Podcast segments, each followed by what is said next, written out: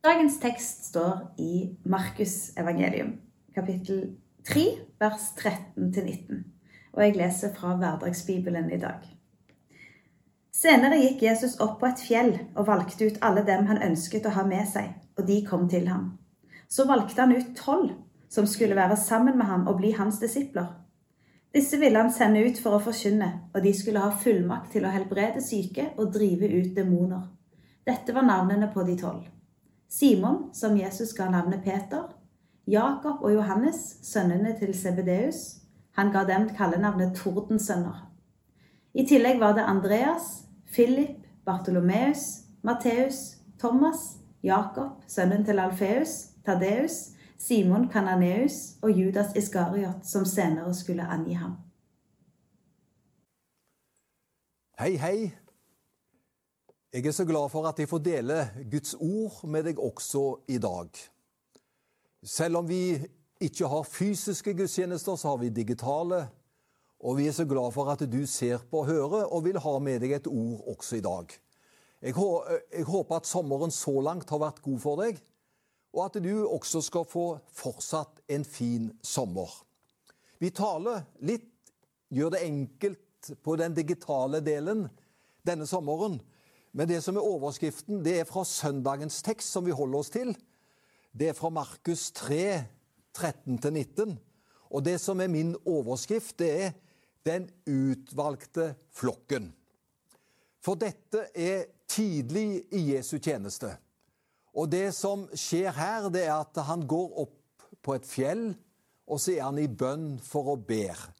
Og så har han med seg noen av disse ungguttene som etter hvert ble til disipler og apostler. Han har de med seg opp på fjellet for å be. Og det som han ønsker skal være resultatet av det møtet som han har sammen med Herren, og hvor disse er til stede, det er at det, nå skal det bli et utgangspunkt for arbeidet for Guds rike i fortsettelsen. Det er nesten som vi kan si at det, her starter menighetsbyggingen. Her starter menigheten ved at Jesus han kaller tolv apostler, tolv disipler, og de sender han ut for å være medarbeidere for han.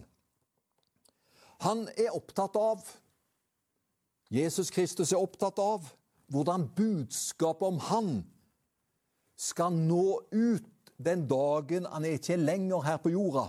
For Jesus visste han hadde en begrenset tid hvor han var her. Men hva skal skje når han ikke er her lenger? Jo, da skal også budskapet ut til alle mennesker. Og det er det han forbereder de på her nå. Han plukker de ut, han kaller de ut til tjeneste, for at de skal være med å utbre evangeliet til jordens ender. Kristendommen det er veldig flott, altså. Kristendommen begynner med en flokk, med en gruppe, med flere enn én personer. Den kristne tro har helt fra begynnelsen operert med noe som er så viktig.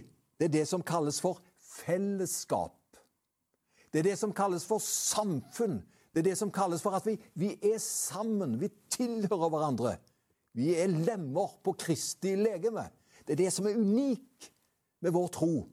Vi er ikke solospillere. Nei.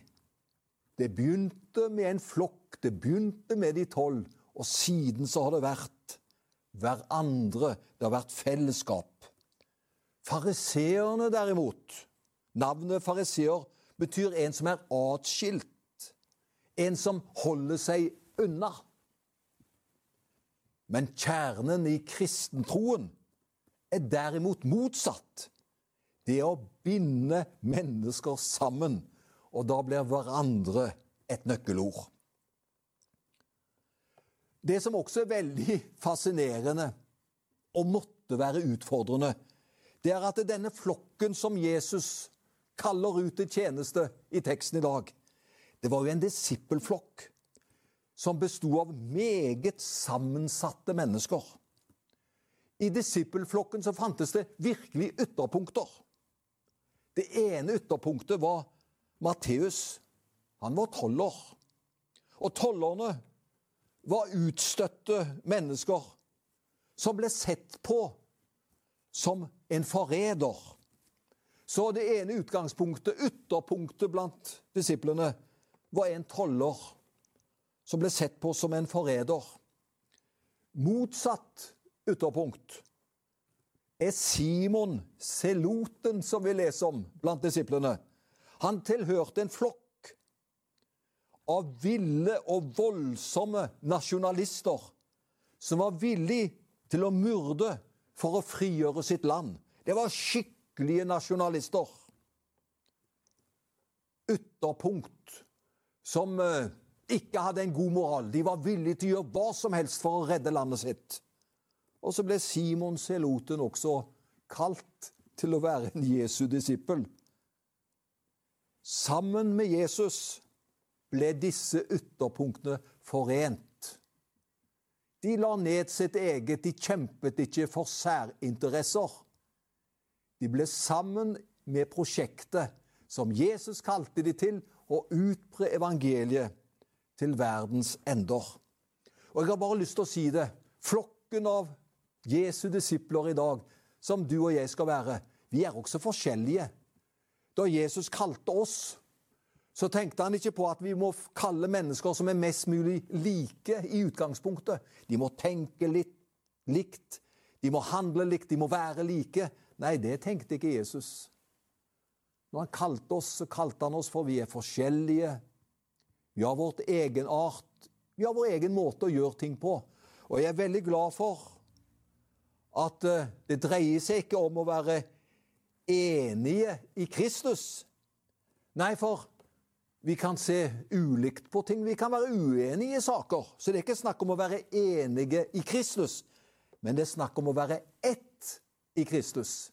Det er Kristus, altså. Ikke av at vi er enige, men det er Kristus som vi er ett i. Det er Han som binder oss sammen, og det er det som gjør at det som i utgangspunktet er store forskjeller, det ble forent i Jesus Kristus, og det er han det dreier seg om. Derfor bøyer vi oss for Jesus. Derfor ønsker vi at han skal få vinne mer og mer skikkelse i oss, så vi blir mer og mer lik han. Disiplene hadde heller ikke ens utdannelse.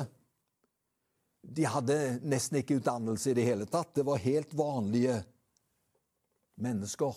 Det som var kriteriet for de som ble kalt, det var at de skulle være hos Jesus. De skulle være trofaste. Og på det utgangspunktet at de skulle være i Jesus Kristus og hos ham, så ville jo han forme dem. Så ville han danne dem og lede dem. Og så skulle de bli brukbare fordi Jesus skulle gjøre den jobben. Og så med det som grunnlag og deres trofasthet til Jesus, så skulle han sende dem ut. Og så skulle de vinne andre for himmelen. Han gav de et budskap. De hadde altså noe å formidle. Og han gav dem makt. De fikk del i hans kraft. Og så gikk de ut.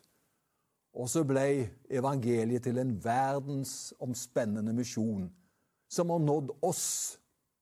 Jesus kalte noen i dagens tekst. Det gjør han fortsatt.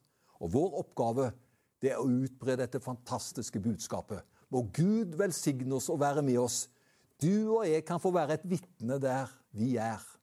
Vi kan til og med være et vitne i sommerferien og fortelle andre om Jesus. Må du bare være frimodig, må du være glad, må du bare være avslappet og hvile i Herren, men også være påkoblet på den måten at Han får lov til å lede oss. Må Gud velsigne oss, skal vi til slutt ta med oss velsignelsen. Herren velsigne deg og bevare deg. Herren la sitt ansikt lyse over deg og være deg nådig. Herren løfte sitt åsyn på deg og gi deg fred. Amen.